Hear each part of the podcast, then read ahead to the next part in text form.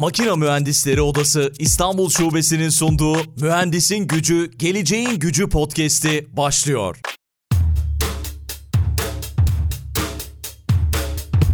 Mühendisin Gücü, Geleceğin Gücü podcast'inin sezon finaliyle karşınızdayız. Bu bölümde konuğum çok yakından tanıdığınız bir isim. Şubemizin başkanı, Makine Mühendisleri Odası İstanbul Şube Başkanı İbrahim Tataroğlu şu anda karşımda. Sayın Başkan hoş geldin podcast'imize. Merhabalar Aykut, hoş bulduk. Selamlar.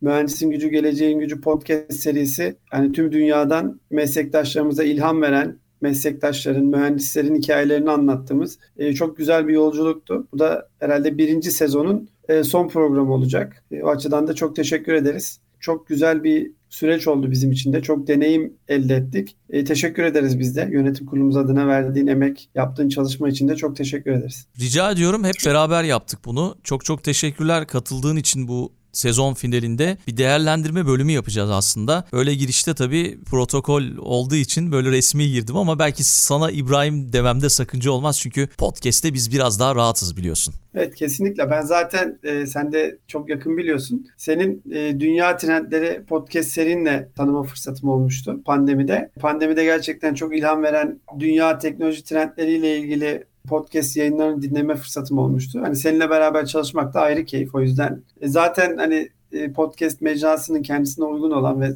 bizim de zaten hani herhangi bir resmi olmak durumunda olmadığımız bir noktada olduğumuzu düşünüyorum. Çok çok sağ olun. Yani o zaman madem birbirimize karşılıklı teşekkürler ediyoruz. Ben de sizi vizyonunuzdan dolayı tebrik etmek istiyorum seni ve yönetim kurulunu. Çünkü birçok marka ve kuruluştan önce podcast mecrasını keşfedip burada içerikler üretmemizi sağladınız. Tabii bunu birlikte yaptık. Dünya üzerinden ve Türkiye'den önemli mühendisleri, makine mühendislerini, başarılı mühendisleri konuk ettik. Farklı farklı şeyler öğrendik. Umarım ilham olabilmişizdir bir farkındalık yaratabilmişizdir ve yeni sezonda da yine harika içeriklerle buna devam edeceğiz. Bu sezon finalinde de biz seni konuk etmek istedik. Geride bıraktığımız bir çalışma dönemi var çünkü. Bu çalışma döneminde neler yaptık biraz bunlardan bahsedelim istiyorum. Çünkü gerçekten yoğun bir çalışma temposu içerisinde olduğunuzu ben uzaktan da olsa gözlemledim. Nasıl bir dönem geçti? Nasıl değerlendirirsin bu dönemi? Tabii öncelikle Makine Mühendisleri Odası'nın podcast mecrasına içerik üretmesinden belki başlamakta fayda olur. Çünkü biz e, Makine Mühendisleri Odası İstanbul Şubesi'nde uzun dönemdir bir dönüşüm içerisindeyiz ve üyelerimize ulaşmak, gençlere ulaşmak, özellikle öğrenci üyelere ulaşmak, mesleğimizde yeni adım atmış meslektaşlarımıza ulaşmak için araçlar geliştirme çabası içindeyiz. Ben yaklaşık 6 yıl önce yönetim kurulu sekreteri olarak henüz o zaman 27 yaşındaydım. İlk görev aldığım zaman e, tabii o zaman Şube Yönetim Kurulu Başkanımız sevgili Battal Kılıç'ın öncülüğünde ve liderliğinde bir dönüşüm süreci başlatmıştık. Ve görece çok e, aslında odamızın mecrası için genç bir yaş ama hayat için çok genç bir yaş olmamakla beraber ciddi sorumluluklar üstlenerek bir dönüşüm süreci başlattık. Odanın bütün süreçlerinin dijitalleştirilmesinden başlayan öncelikle dijital dönüşüm süreçlerinin odanın kendi içinde, kendi süreçlerinde ve e, daha sonra da üyelerle kurduğu ilişkiyle devam ettiren bir e, süreci inşa etme çabası içinde olduk ve bu süreç boyunca da birçok deneyimimiz oldu diyebilirim. Yani dijital dönüşümün biliyorsunuz dünyada çok önemli bir artık konumu var e, ve dijital araçların önemi her geçen gün daha fazla artıyor. Pandemi süresince de ister istemez bunun e, ciddi bir simülasyonunu da görmüş olduk ve e, testini de yapmış olduk diyebilirim. Çünkü biz yaklaşık 4 yıl sürekli yatırım yaptığımız bir alanın ve o, o, o mecralarda geliştirdiğimiz hem iç süreçlerde geliştirdiğimiz araçların hem üye ile kurduğumuz ilişkiyi tanımlamak üzere geliştirdiğimiz araçların canlı testini de pandeminin başlamasıyla yapmış olduk diyebilirim. Yani 4 yıllık ben şube sekreterliğim dönemin boyunca e, görev alan tüm arkadaşlarımızla birlikte bu konu birinci gündemimizde ve günün sonunda da yine 2 yıl önce yönetim kuruluna ben başkanlık etmeye başladığım süreden bu yana da yine bu yatırımların doğrudan gerçek hayattaki karşılıklarını da görmüş olduk diyebilirim. Çünkü biz pandemi ilan edildiği günden itibaren başımıza ne gelecek diye bekleyen bir kurum kuruluş olmadık. biz neler yapabiliriz diye konuya yaklaştık ve bu yaklaşımın insanlara ulaşmakta, üyelere ulaşmakta, topluma ulaşmakta, faaliyetlerin gerçekleştirilmesinde dijital araçların ne kadar önemli olduğunu da görmüş olduk diyebilirim. Ee, yani bu süreç tabii biraz kendisi için, kendi içinde de çok geçişken noktaları olan, çok ciddi emeklerin olduğu, odanın da bugüne kadar aslında getirmiş olduğu birikimin bir sonucu olduğunu düşünüyorum ben. Çünkü e, biz Makine Mühendisleri Odası İstanbul Şubesi'nde aynı görevde iki dönem üst üste görev yaptıktan sonra aynı görevi kendi çalışma ilkelerimiz doğrultusunda yapamıyoruz. Bu bizim odanın yönetmeliklerinde ve tüzüğünde ve yasada olan bir konu olmamakla beraber İstanbul'da makine mühendisi odasında e, uzun yıllardır yönetimde olan anlayışın aslında e, doğal bir sonucu. Yani ben iki dönem sekreterlik yaptıktan sonra şube başkanı olduğumda yine her iki yılda bir yapılan seçimlerle tabii ki bunlar gerçekleşiyor. İlk dönemi de tamamladım. Yine gelecek dönem tekrardan yönetime e, zaten e, aynı çalışma grubundan arkadaşlarımız adayız. Burada da bu görevi yaptıktan sonra da bu görevi başkasına devretmek gibi bir yükümlülüğümüz oluyor. O nedenle bizim çalışma dönemlerimizin ilk dönemi daha çok geçmiş dönemden faaliyetlerin birikmesi, yeni araç tanımlanacaksa bunların altyapısının oluşturulması ve geleceğe taşınması için de ikinci dönemde biraz daha bayrak teslimi için hazırlıkların yapılması hatta özellikle son 6 ay 8 ay biraz bunun üzerine geçiyor diyebilirim. Yani bu yapının e, aslında odanın önünü açtığını e, gözlemleyebiliriz. Ben dediğim gibi 27 yaşında şube sekreteri oldum ki hani odamızın yaş ortalaması ve yönetici yaş ortalamasının çok çok dışında bir e, durumdu bu. Tabii bu da ister istemez yönetimde daha dinamik bir yapı oluşturuyor. Daha güncel meselelerin, genç mühendislerin sorunlarının yönetimin ana konusu haline gelmesinin de doğrudan aslında etkisi oluyor. Tabii biz e, odada da şöyle bir şeyimiz de yok. Yani onu da ifade etmekte belki fayda var. Genç, yaşlı mühendis gibi bir ayrıştırma değil. Tecrübeli meslektaşların tecrübesinden olabildiğince efektif şekilde fayda faydalanma. Ama gençlerin de dinamizmini ve geleceğin de aslında e, o inşası içinde çok önemli bir rolü olması bizim için önemli diyebilirim. Bu yapının kendisinin daha gençleri öne çıkaran, işte kadınları daha çok öne çıkaran bir pozisyona doğru evrilmesi de beni ayrıca mutlu ediyor. Daha sonra ben şube başkanı olduğumda da yanılmıyorsam odanın bugüne kadarki en geç şube yönetim kurulu başkanı ben olmuşum. Tabii bu benim birey olarak kendime dair övünecek bir şey değil. Bu benim beraber çalıştığım arkadaşlarımın, çalışma grubunun içinde beraber oda mücadelesi içinde uzun yıllardır emek verdiğimiz, aynı ilkeler doğrusunda emek verdiğimiz arkadaşlarımızın e, bir ortak çabasının bir çıktısı bizim için. Hani biz e, daha çok bireylerden çok toplumun ve e, topluluğun davranışları, topluluğun sonuçlarını önemsiyoruz ama gösterge olması açısından da İstanbul'da yaşayan 30 bin üyemize de önemli bir gösterge olması açısından da hani benim genç oluşumunda önemli bir anlamı olduğunu düşünüyoruz, görüyoruz. Gençlerin odaya yaklaşımı, gençlerin sorumluluk alma noktası da her geçen gün artıyor. Bu da bizim için ayrıca sevindirici bir konu diyebilirim. Harika gerçekten. Ben de ilgiyle takip etmeye devam ediyorum İbrahim sizi yaptığınız çalışmaları ve tabii ki podcast'te de birlikte işbirliği içerisindeyiz. Bir yandan da tabii ki makina mühendislerinin içine de girmiş oldum. Onların dünyasını da yaşamaya başladım.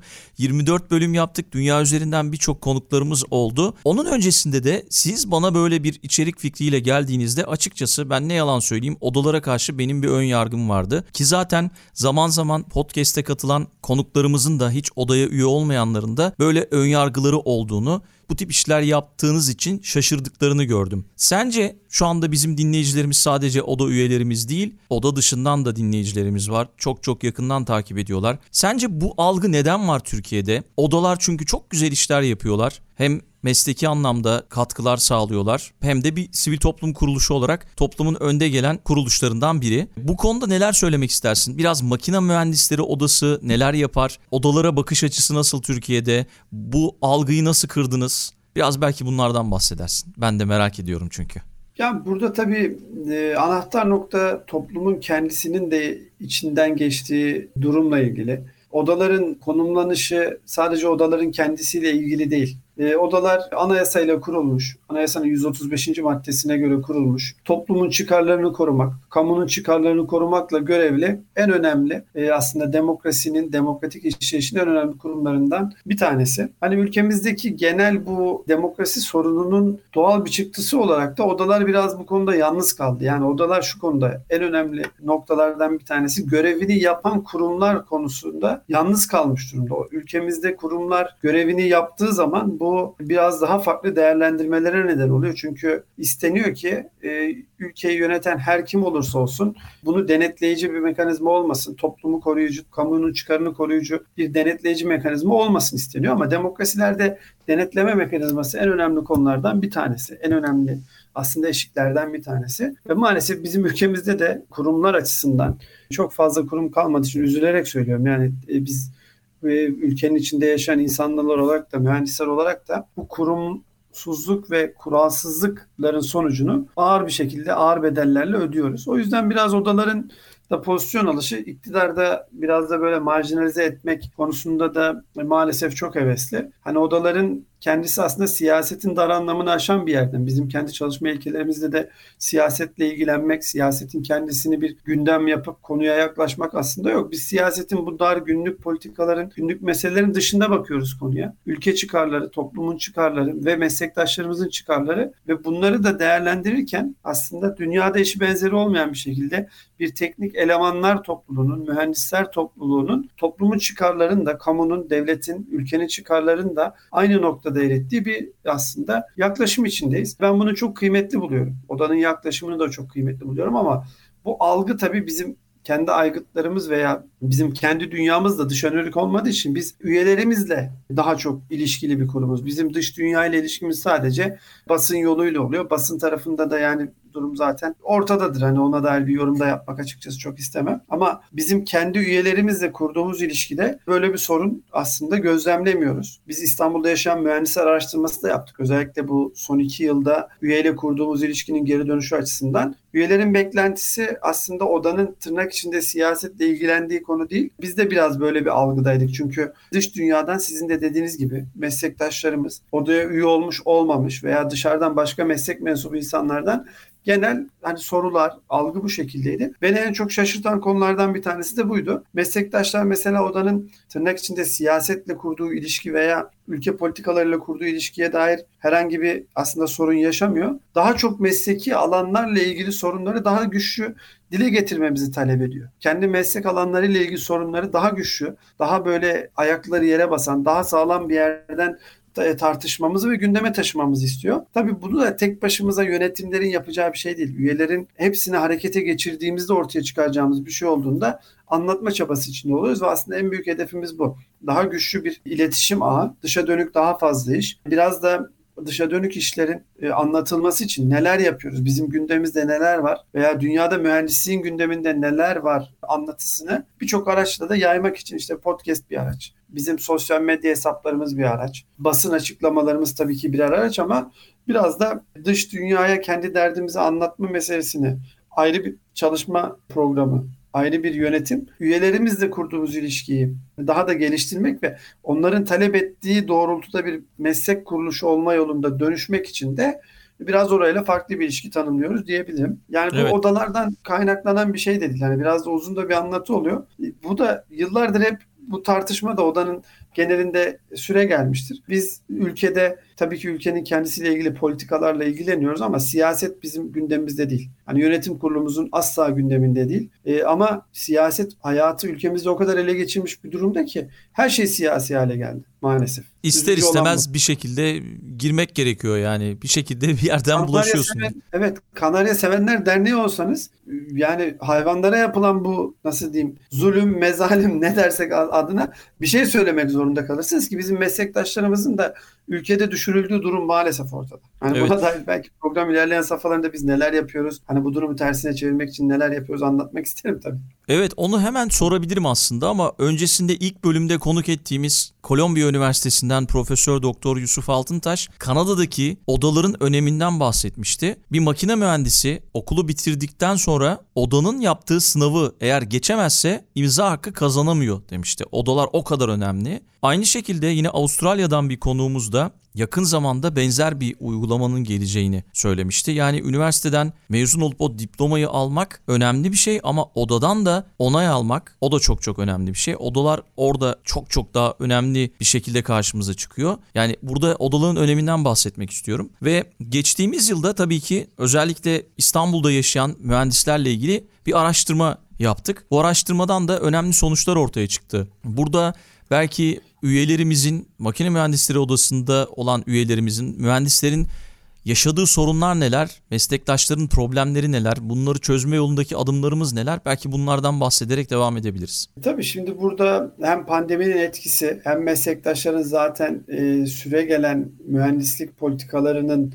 doğal sonuçlarını aslında yaşaması gibi çok temel metrikler var. Çok öne çıkan başlıklar var. Ama onun haricinde odaların aslında konumuna da biraz değinmek lazım. İşte odalar mesleği düzenleyen, meslek alanı düzenleyen ve mühendise yetkiyi veren kurumlar. Ama bu yasalar eliyle anayasa değiştirilemediği için de biraz böyle ayakları yerden kesilmeye çalıştılar. Sadece anayasadaki dayanak değiştirilemediği için değiş, yasal değişikliklerle odaların üyelerle kurduğu ilişki e, azaltılmaya çalışılan bir noktadayız maalesef. Yani odalara üye olma zorunluluğu meselesi biliyorsunuz 12 Eylül 1980 e, Anayasası'yla e, fiilen kaldırılmış durumda. Bu bile başlı başına bir bizim için gösterge. Yani o günden bugüne de bu konuda herhangi bir geri adım yok. Yani hani ülke politikası dediğimiz zaman sadece bizim kendi siyasi çıkarlarımız doğrultusunda e, anayasaya veya yasalara yaklaşmamızın bir doğal sonucu yaşıyoruz. Yani yaklaşık 40 yıldır meslek odalarına üyelik, meslek odalarının üyelerle kurduğu ilişkinin kesilmeye çalışıldığı bir dönemi yaşıyoruz. Burada e, meslek alanının sağlıklı şekilde ilerlemesi için odaların rolünün, etkisinin çok önemli olması gerekiyor. Çünkü bu mesleği icra eden kişilere mesleki uzmanlık yetkilerini veren kişiler bizleriz üyelerin aslında üye sicil kaydının yani mesleki ilkelere, etik ilkelere göre mesleği yapıp yapmadığının haysiyet divanı üzerinden aslında otoritesi de odalar. Ama bu tabii bir şekilde artık yasalarla ortadan kaldırılmaya çalışılan bir durum. Ve bunun sonucunda ülkede zaten yaşıyoruz. Yani bunun şöyle bir şey söyleyeyim. Eksi net yapan bir fizik yani üniversiteye giriş sınavında eksi fizik neti yapan birisi makine mühendisi olabiliyor.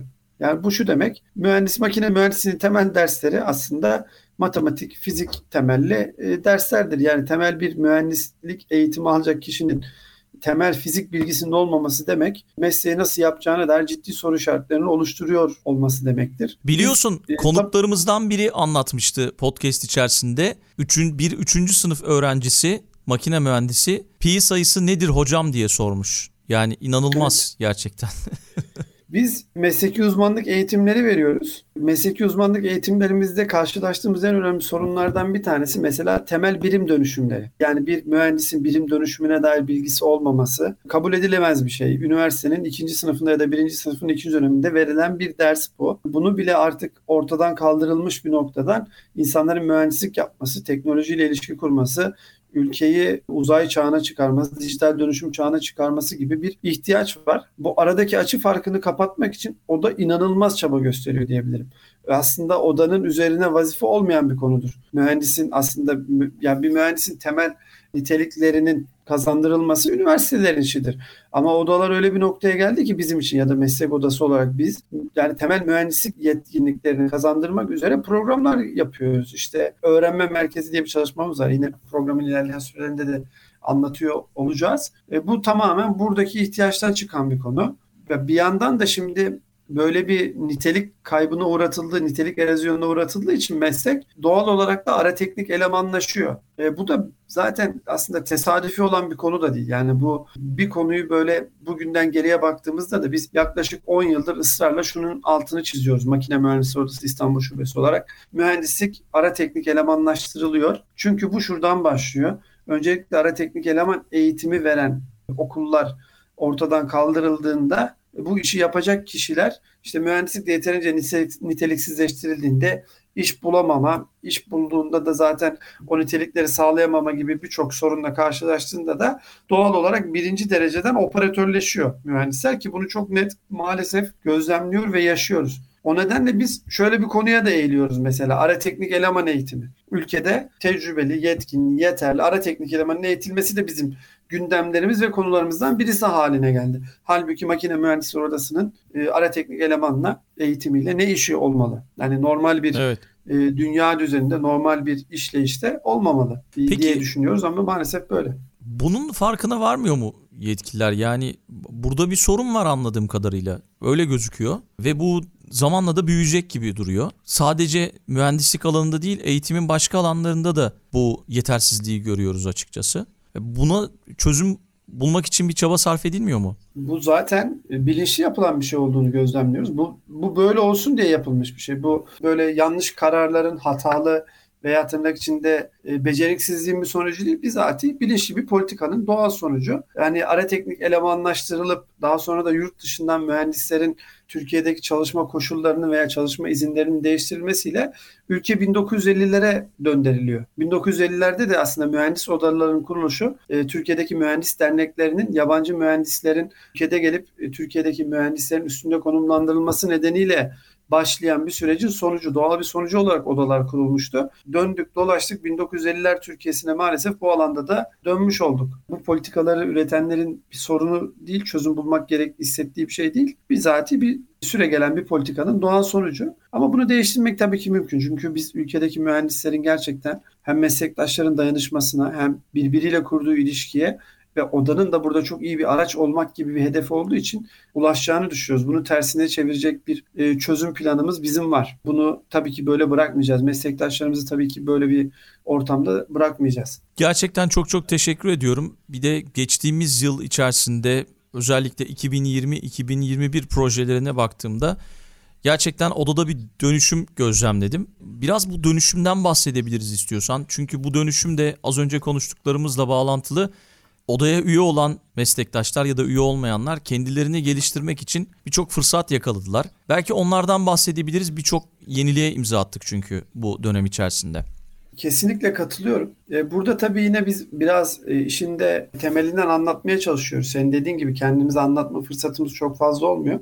Yaptığımız faaliyetlerle anlatma fırsatımız olabiliyor ama yine böyle bu yayınlarda da biraz işin temelinden al- almamızın nedeni de nedensellik ve sonuç ilişkisini biraz kurmaya çalışmamızdan. Biz pandemi başladığında biz sadece kendimizi öncelikle üyelere karşı sorumlu hisseden bir yerde değiliz. Sadece üyelerle kurduğumuz ilişki değil, topluma da sorumluluklarımız var hayatta olan biten meselelere dair de bir sorumluluğumuz var. Mesela şöyle bir e, süreç yaşadık biz. Pandemi başladı. Herkes evlerine çekildi. Hiçbir kurum ne yapacağını bilemezken biz üçüncü gün platform hangi platformu kullanalım? Bir kere öncelikle oda yönetim kurulu toplantıları nasıl yapacağız? E, biz temsilciliklerimizi nasıl kuracağız? Komisyonlarımızı nasıl oluşturacağız? Şube faaliyetlerini nasıl yapacağız? Eğitim, etkinlik, e, sosyal ihtiyaçların giderilmesi gibi şeyleri nasıl yapacağız diye araçlar arıyorduk mesela ve hemen üç gün sonra çevrim içi eğitim serisi başlattık. Mevcut eğitimleri doğrudan çevrim içi ortama taşıdık. Temsilcilik toplantılarını hemen yaptık. Yönetim kurulu seçilerek geliyor. Daha sonra da temsilcilikler İstanbul'da 8 temsilciliğimiz var. Oralara atama yapıyor. Oradaki görevli meslektaşlarımızı atama yoluyla görevlendiriyor. Bunları hemen yaptık mesela. Bu çok önemli bir çevik bir yaklaşımın bir sonucuydu. Hiçbir sürecin aslında aksamaması veya sürecin sorunsuz bir şekilde ilerlemesi için önemli bir adımdı. Tabii olan biten konulardan da azade olamıyoruz. Biz tamam şubenin, odanın yapısı devam ediyor. Kurumsal yapımız devam ediyor. Üyelerimize ulaşıyoruz. İşte üyelerimiz arasındaki sosyal ilişkiyi geliştiriyoruz. Meslektaşların eğitim konusunu çözüyoruz. Ama o arada da ülkede yani açık söyleyeyim çok da üzülüyorum. Maskeyi kim dağıtacak sorunu vardı. Evet. Eczaneler mi dağıtacak? O mu da yani böyle bir sorun olabilir mi? Biz bunu yaşadık. Üstünden iki yıl geçti. Sanki 200 yıl geçmiş gibi düşünüyorum. Akıl almaz bir şey. Maskeyi kim dağıtacak? Maske bulamadık. Maske bulamıyorduk. Bu bir başka bir problem. İkinci problem regülasyonlar tabii ki anlık regülasyonlar değişiyor. Ben bile unutmuşum söylediklerini. O kadar hızlı yaşıyoruz Böyle, ki yani dönem değerlendirmesi yaparken biz diyoruz hani biz neler yaptık, neler yaşadık da neler yaptık konusu var. Sağlık emekçilerinin yani dünyada sağlık emekçilerinin durumu zaten maalesef ortadaydı. Türkiye'de daha da bir yalnız olduğunu hissettik. Sağlık emekçileri böyle cephede hepimiz için, hepimizin kahramanı onlar gerçekten. Ben iki yıldır sağlık emekçilerinin ülkemizde ve dünyada pandemi süresi boyunca yaptıkları şeyin hakkını zaten ödenemez olduğunu düşünüyorum. Ya onlar hepimizin kahramanı. Umarım onlar da hak ettikleri özlük hakları, onlara duyulan saygı, onların mesleki itibarının yeniden kazanılması meselesi gibi birçok süreçte de ya o kadar yalnız kaldılar ki sağlık emekçileri de biz şunu da tespit ettik. Dünyada da böyle üç boyutlu destek hareketleri, üç boyutlu yazıcılarla üretim gibi birçok trend de vardı. Özellikle İtalya'daki dinamikleri incelediğimizde hani Türkiye'ye biz neler yapabiliriz diye baktığımızda bizim kendi üç boyutlu yazıcılardan oluşan bir laboratuvarımız vardı.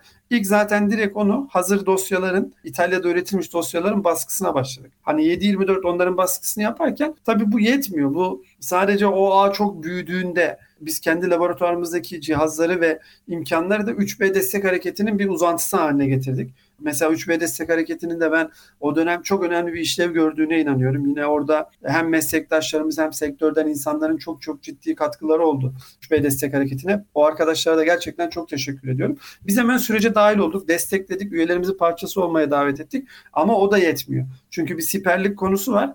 Bunun üretilmesi, sağlık emekçileri üretilmesi adet. Sonra hemen tabii bizim uzmanlık alanlarımızdan birisi olan plastik enjeksiyon, bu kalıp oluşturmak gibi şeyleri hemen bir gönüllü ekiple, meslektaşlarımızdan bir kalıp oluşturduk ve şöyle bir yola çıktık. Dedik ki bizim 30 bin tane üyemiz var. Üyelerimizi de sürecin içine katalım. Çünkü herkes bir şey yapmak istiyor. Dahil olsun onlar da. İşte her bir üyemiz adına bir tane siperli sağlık emekçilerine ulaştıralım. Nasıl yaparız, nasıl ederiz? Dedik ya bunu yaparız. Çıktık yola tam 40 bin tane siperliği Türkiye'nin dört bir yanında sağlık emekçisine ulaştırdık.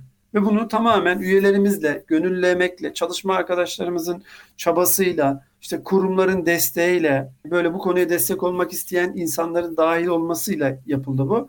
İşte makine mühendisleri odasının bu işi midir, görevi midir? E, biz hani öyle bakmıyoruz konuya. Biz neler yapabiliriz? Biz bu sorunu nasıl çözeriz diye baktığımız için öyle bir ihtiyaç da olduğu için bunu ulaştırdık. Birçok kurum kuruluşa yani sahada aktif görev yapan birçok insana bunu ulaştırdık ve çok güzel geri dönüşler geldi sağlık emekçilerinden. Ben bunları bütün üyelerimiz adına kabul et, ediyoruz. Yani gerçekten çok önemliydi. Hani onlara bir nebze olsun destek olabilmek için bunu yapmıştık. Zaten öyle de bir sloganımız vardı. Onlara bir nebze olsun destek olabilmek için bu çalışmayı yapıyoruz demiştik. Ve tam 40 bin tane siperli ürettik ve o dediğim gibi 3 tane maskenin dağıtılamadığı ortamda yaptık bunu. Bir de yani yanılmıyorsam çok önemli olduğunu düşünüyorum. Evet gerçekten çok çok önemli. Bir de yanılmıyorsam telefonla risk grubundaki üyelere destek olundu. Burada da genç meslektaşlar ön plana çıktı. Bu da güzel bir çalışmaydı hakikaten. Özellikle 40 bin siperlik dışında sağlık çalışanlarına gönderilen bu 40 bin siperlik dışında bu çalışmada gerçekten değerli diye düşünüyorum. Tabii bir de şimdi bizim şöyle bir konumumuz var. İstanbul'da biz 39 ilçede yaşayan her bir mahallede en az bir üyesi olan ve daha fazla yani mahallelerde bile çok daha fazla üyemizin olduğu kocaman bir hani örgüt bu. Sivil örgütlenme diyebiliriz, mesleki örgütlenme, insan ilişkisi, yani bizim erişimimiz çok kuvvetli. Biz belediye yetkililerine de bütün belediyelere de yazı yazdık. Her mahallede sorumluluk alabilecek o zaman 30 yaş altı kişilerin hani risk grubunda olmadığını ifade ediyordu bilim kurulu. Ona göre 30 yaş altı meslektaşlarımızın erişim bilgileri hani nasıl sorumluluk alabiliriz? İtalya'dan yine gördüğümüz deneyim. Yani ülkede gençler daha görece yaş almış insanların market alışverişini yapmak gibi bir sorumluluk bile. Yani bu bile problemdi. Bunu bile nasıl yapacağımızı biz hem meslektaşlarımız hem de komşularımızla nasıl ilişki kuracağımızı tarifleyecek bir örgütlenme ağı oluşturduk. Ve bunu hemen yaptık. Çünkü bütün üyelerimizin iletişim ve erişim bilgileri bizde var. Bütün mahalleleri bölüştürdük ve adına dedik ki MM üye dayanışma ağı görevlerimiz neler, topluma görevlerimiz neler, meslektaşlarımız neler. Bir bunu kurduk. Sonra da bunun ikinci aşamasında dedik ki 60 yaşından yukarı yaş almış bütün meslektaşları bir arayalım. Herkesi aradık. Bir ihtiyacı var mı? Varsa ihtiyacını çözebiliyorsak çözdük. Kurumlarla ilişki kurulması gerekiyorsa kurduk. Bizim yapmamız gereken veya ona yakın komşusu olan meslektaşın ona erişimi varsa onu yaptırdık. Ve müthiş bir aslında mesleki dayanışmayı inşa ettik diyebilirim. Bu da hepsi bize yeni yeni araçlar oluşturdu. Yine o dönem yani çok hani böyle pandemi şeyine gidiyor ama hatırlarsınız sokaklardan banklar falan sökülüyordu. Yani bu haberlerde gördüğümüz şeyler de. Bizi en üzen konulardan bir tanesi de açıkçası bu. Çünkü biz şunu biliyoruz. Bu ülkede 60 yaşında bir kişi demek 30 yıl mühendislik yapmış bir, bir insan demek. Bu ülkenin sanayisine 30 yıl aralıksız hizmet vermiş. Bu ülkenin kalkınması için emek tüketmiş, alın teri ve mesleki birikim yapmış kişi demek. Böyle sokaklardan bank sökülünce insanlar eve gidince ne oluyor ki? Hani sorun o değil ki. Hani sorun insanların sokakta sokağa çıkma ihtiyacı sadece parkta oturma, yolda oturma ihtiyacı değil. Bir sosyalleşme, bir kendisini de özellikle yani yaş gruplarında kendisini vasıfsız, niteliksiz ve faydasız hissetmek gibi bir psikolojiye girdiğini aslında tespit ettik. Bunu da yine uzmanlardan da görüş aldık ve dedik ki yani bu psikolojiden bir kere üyelerimizi çıkaralım ve biz meslektaşlarımızla makine 120 dakika gelişim ve tanışma atölyeleri yani mesleki gelişim ve tanışma atölyeleri diye bir daha önce yaptığımız bir çalışma vardı. Bunu tamamen 60 yaş üstü meslektaşlarımızın, tecrübeli meslektaşlarımızın bilgi aktarımı yaptığı bir platforma çevirdik. Ve bugüne kadar 300'ten fazla webinar yaptık burada. Bu 300 tane çevrim içi seminerde 30 binden fazla sadece İstanbul'daki katılım, Türkiye'de de 100 binden fazla bir katılım oldu buna. Yani biz bank söküldü falan ama meslektaşımız kendisini 30 yıllık emeğini de hani yok ettirecek bir şey olarak görmüyoruz ve bunu evet. kabul etmediğimizi ortaya koyuyoruz dedik ve bunu yaptık. Yani Mesela bu da çok önemliydi.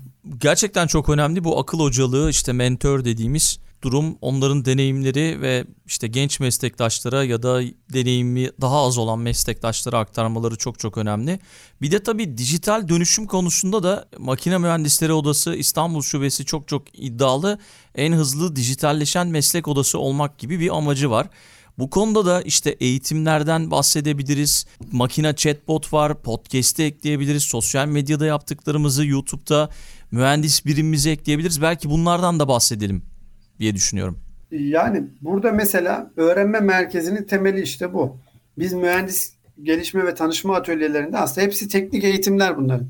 Meslektaşların 30 yıllık birikimlerinin ikişer saatlik özet çıktılarıydı ve 300'den fazla çevrim içi etkinlik olduğu için bunlar bizim Zoom platformu üstünden doğal olarak kaydını aldığımız birer mesleki içeriğe döndü. Bizim daha önce üzerinde çalıştığımız bir mühendislik gelişim akademisi vardı fikri vardı, projesi vardı. Onu bir noktaya evriltememiştik. Biz bu 300 tane çevrim içi etkinlikten ve tecrübeli meslektaşların yaptığı eğitimlerden dedik ki bunları biz o zaman bir platforma taşıyalım. Zaten böyle bir hedefimiz de var. Biraz zamandan, mekandan bağımsız bir öğrenme platformu oluşturmak gibi bir hedefimiz var.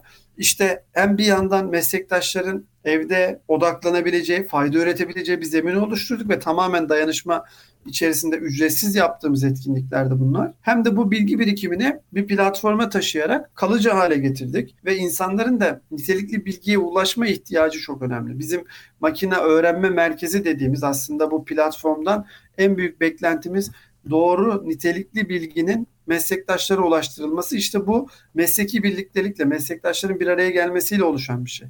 Şimdi makine öğrenme merkezi mühendisin dijital öğrenme platformu olarak biz tarif ediyoruz ve şunu diyoruz. Hani açık bir şekilde demin de bahsettiğimiz sorunlara bir çözüm planı bu. Herhangi bir makine mühendisi kendisini gelip bu platform üzerinden doğrudan geliştirilebilir. Çünkü meslek alanımızla ilgili hemen hemen her konuda bir içerik var. Bu içeriğin tabii ki devamı gelecek. Bu içerikler hem meslektaşlarımızın oraya koyduğu platformun içine şimdi bir de gelir paylaşım modeli inşa etmeye çalışıyoruz ki platformda meslektaşlarımız mesleki birikimini oraya taşıyıp ondan bir sürekli gelir de elde edebilecek. Yani mesleki tecrübesinden bir gelir de elde edebilecek bir platform olacak bu.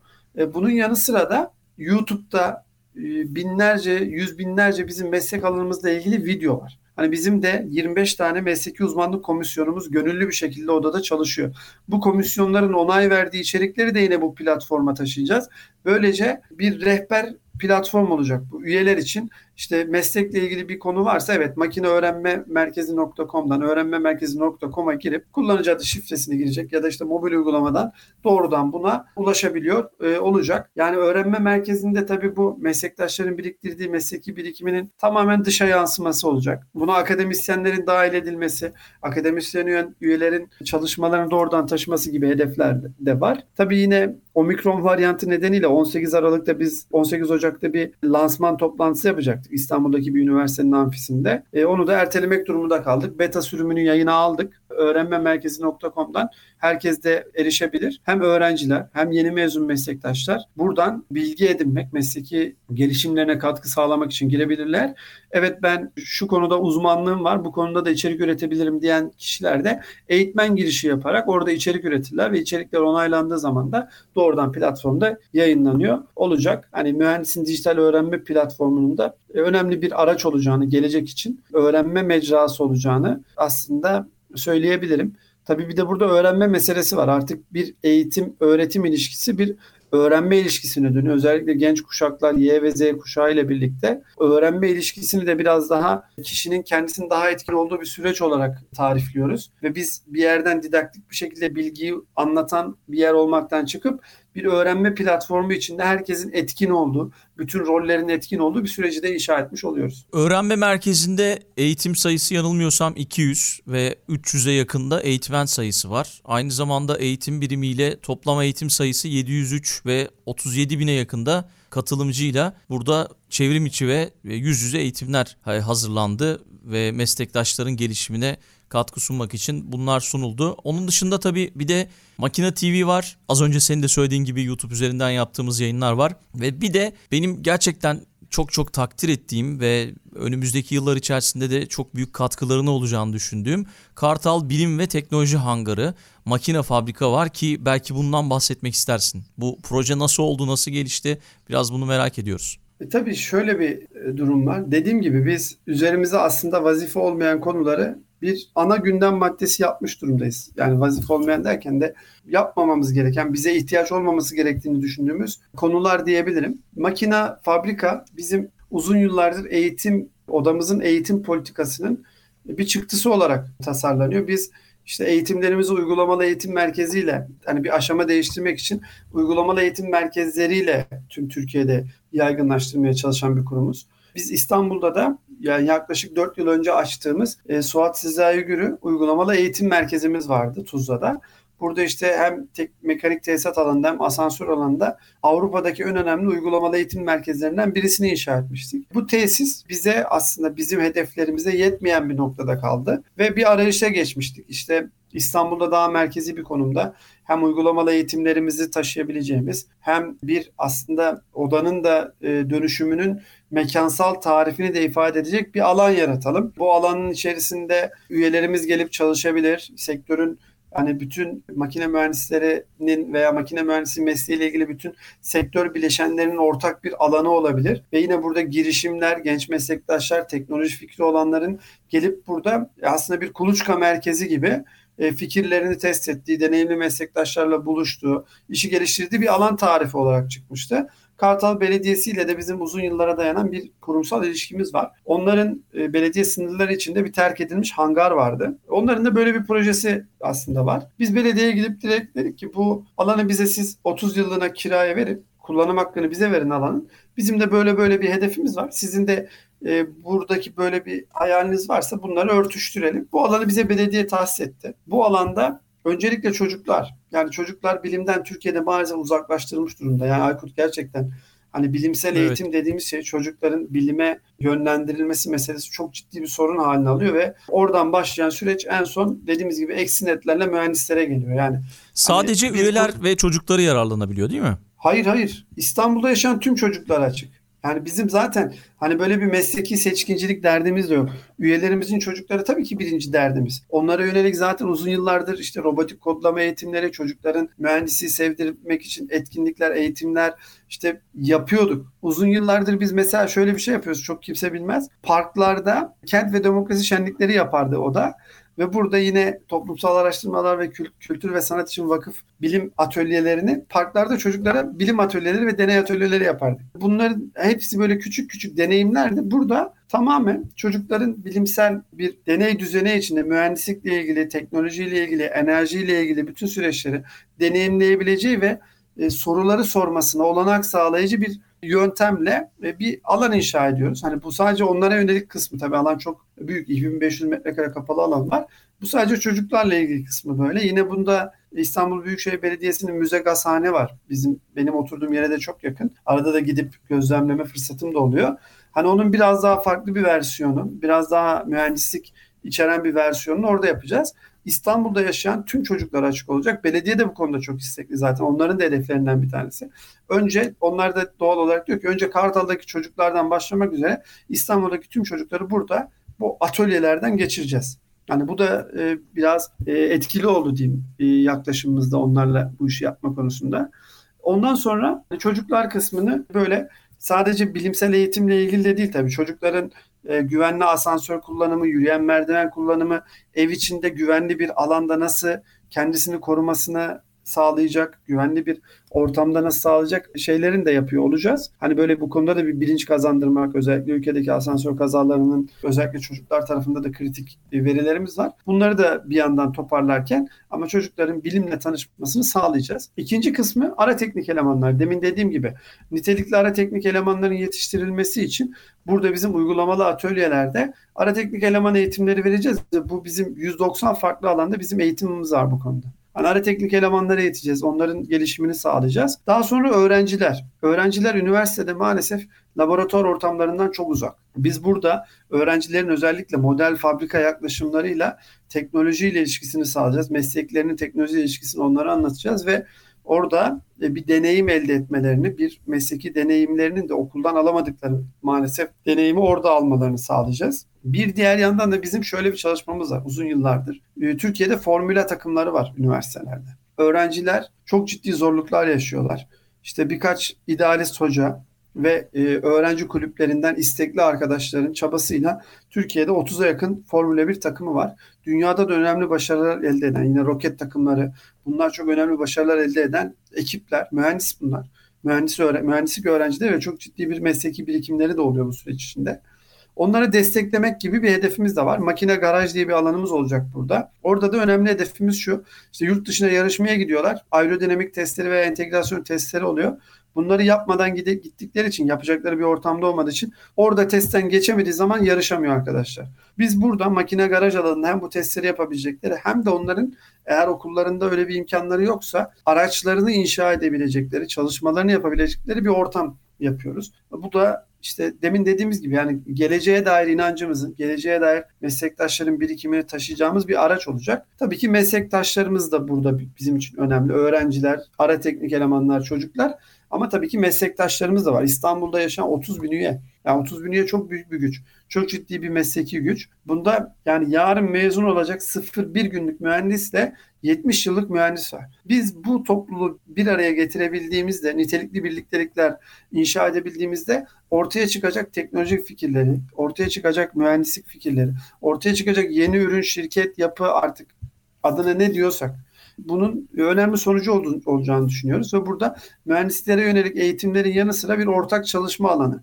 Bu ortak çalışma alanında birçok sektörel bileşenin olduğu, yine bizim e, tecrübeli meslektaşların e, üyelere mesleğini aktarmasını istediğimiz makine danışma projesinin de burada vücut bulduğu bir e, ortamı da inşa etmek önemli hedeflerden birisi.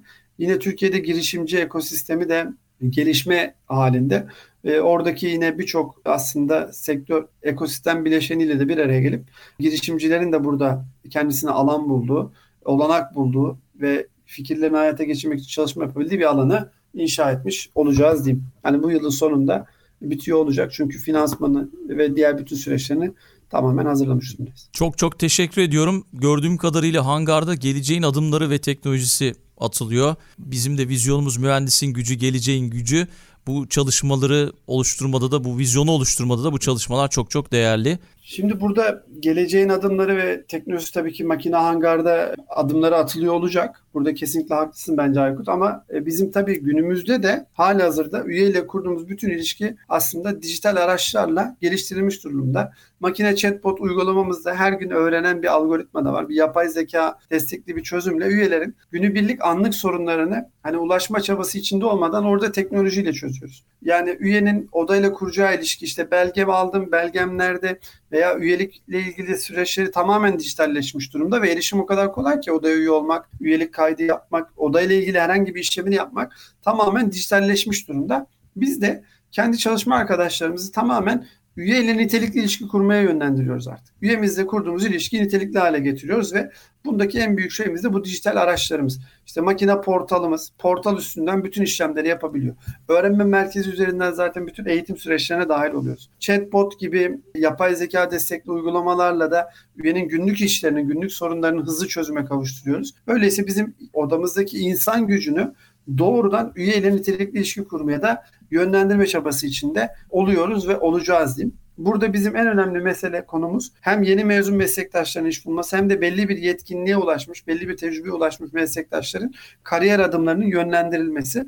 İş ve mühendis departmanımız, iş ve mühendis birimimizin en büyük odağı bu olacak. Hem yeni mezunlara iş bulmak hem de e, meslektaşlarımızın, tecrübeli meslektaşlarımızın kariyer planlarında destekleyici ve konumlandırıcı onları da biraz daha ileriye doğru taşıyacak adımlar atmak olacak diyeyim. Tabii biz e, çok büyük bir heyecan ve çok büyük bir hayallerle bir göreve geldik. Yani bu görevin değerini biliyoruz ve tamamen gönüllü bir emek buradaki yaptığımız. Bizim yöneticilerimiz asla profesyonel değil. Toplumda böyle de bir algı var işte biraz maalesef bazı sendikalar yüzünden de böyle. Biz odalarda herhangi bir şekilde ücret ilişkimiz meslek odamızda yok. Tamamıyla bütün yöneticilerimiz gönüllü çalışıyor. Biz hem profesyonel olarak hayatımızı kazandığımız bir mesleğimiz var hem de gönüllü faaliyet olarak odada mücadele ediyoruz diyeyim. E, ama odada da kurumsal yapımızda çalışan meslektaşlarımız da var. Ben kendim de odada bir dönem çalışan bir mühendisim.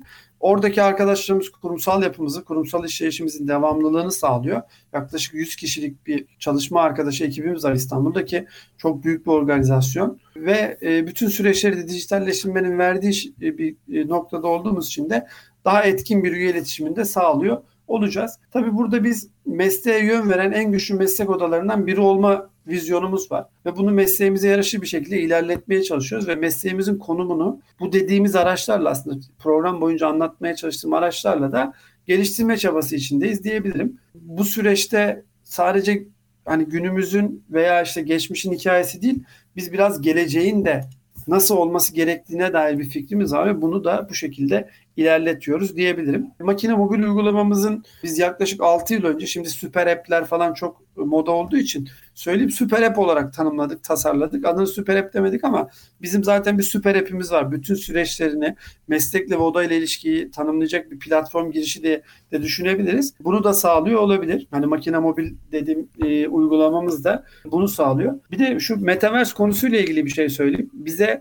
bazen üyelerimizden şey geliyor Metaverse konusunda çok bir şey yapmıyorsunuz gibi eleştiriler geliyor ya da bu meta alanlarla ilgili bir e, görüşümüz yokmuş gibi bir e, konumda olmak da istemeyiz. Biz pandeminin başında daha metaverse kavramı bu kadar yaygın ve aslında üzerinde bu kadar konuşulan bir konu değilken tamamen sanal gerçeklik alanında mekanik tesisatta dijital dönüşüm etkinliği yaptık. Pandemiden iki ay sonra Mayıs ayının sonunda yaptık bunu ve bu dünyada bu meslek alanı özelinde ilkti. Mesela bu meta alanlarla iş yapma konusunda da işte me, uygulamalı eğitim merkezini meta alana taşıyalım gibi bir e, tartışma da yaptık ama tabii meta alanlar da biraz daha farklılaşacak, gelişecek. Oralarda farklı konular da olacak. Bizim meslek alanlarımızla ilgili konular da olacak. Ama biz bu konuda da gerçekten e, çok e, bakış açısı açık. Bu konuda da uygulama yapmış bir kurumuz. Böyle bir deneyimi olan çok fazla kurumda yok hali hazırda. O açıdan kıymetli bir noktada olduğumuzu da ifade edeyim. Hem sektör bileşenlerini dahil ettik hem de kendi mesleğe yaklaşımımızı e, orada biraz anlatma fırsatı bulduk. Bence o da geç, geçtiğimiz dönemde önemli konulardan bir tanesiydi ama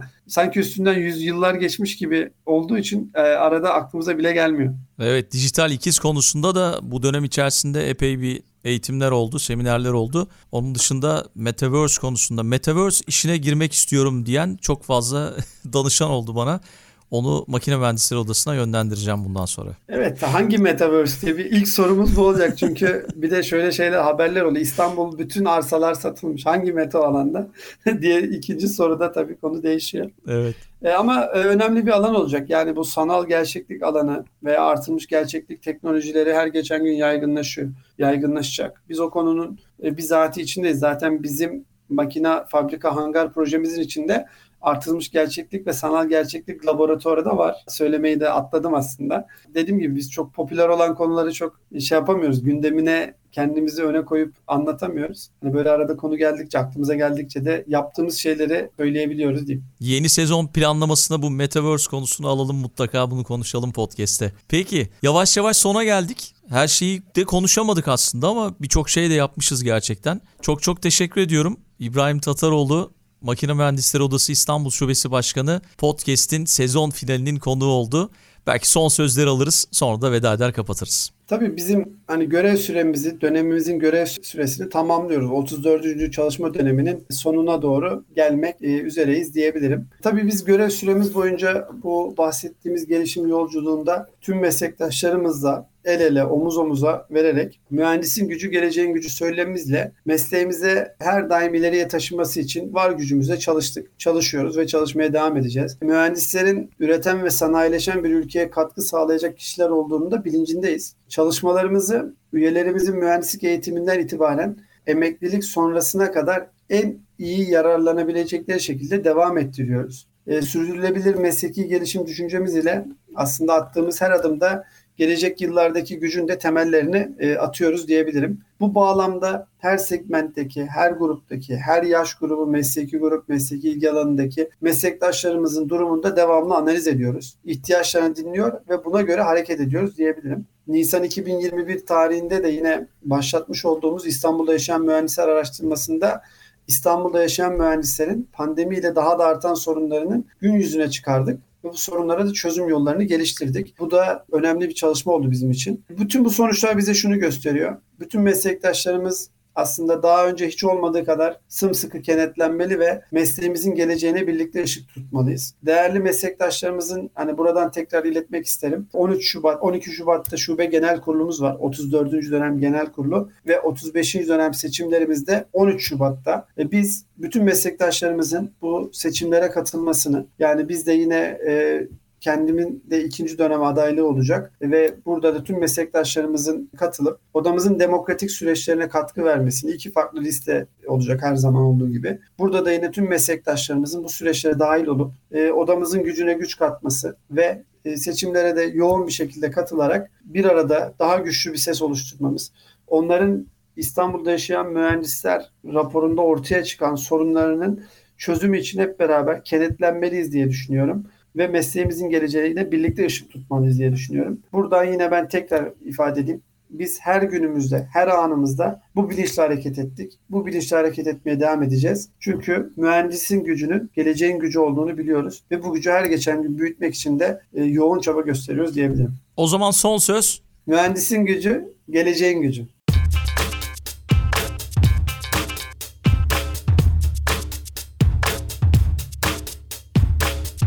Makina Mühendisleri Odası İstanbul Şubesi'nin sunduğu Mühendisin Gücü, Geleceğin Gücü podcast'i sona erdi.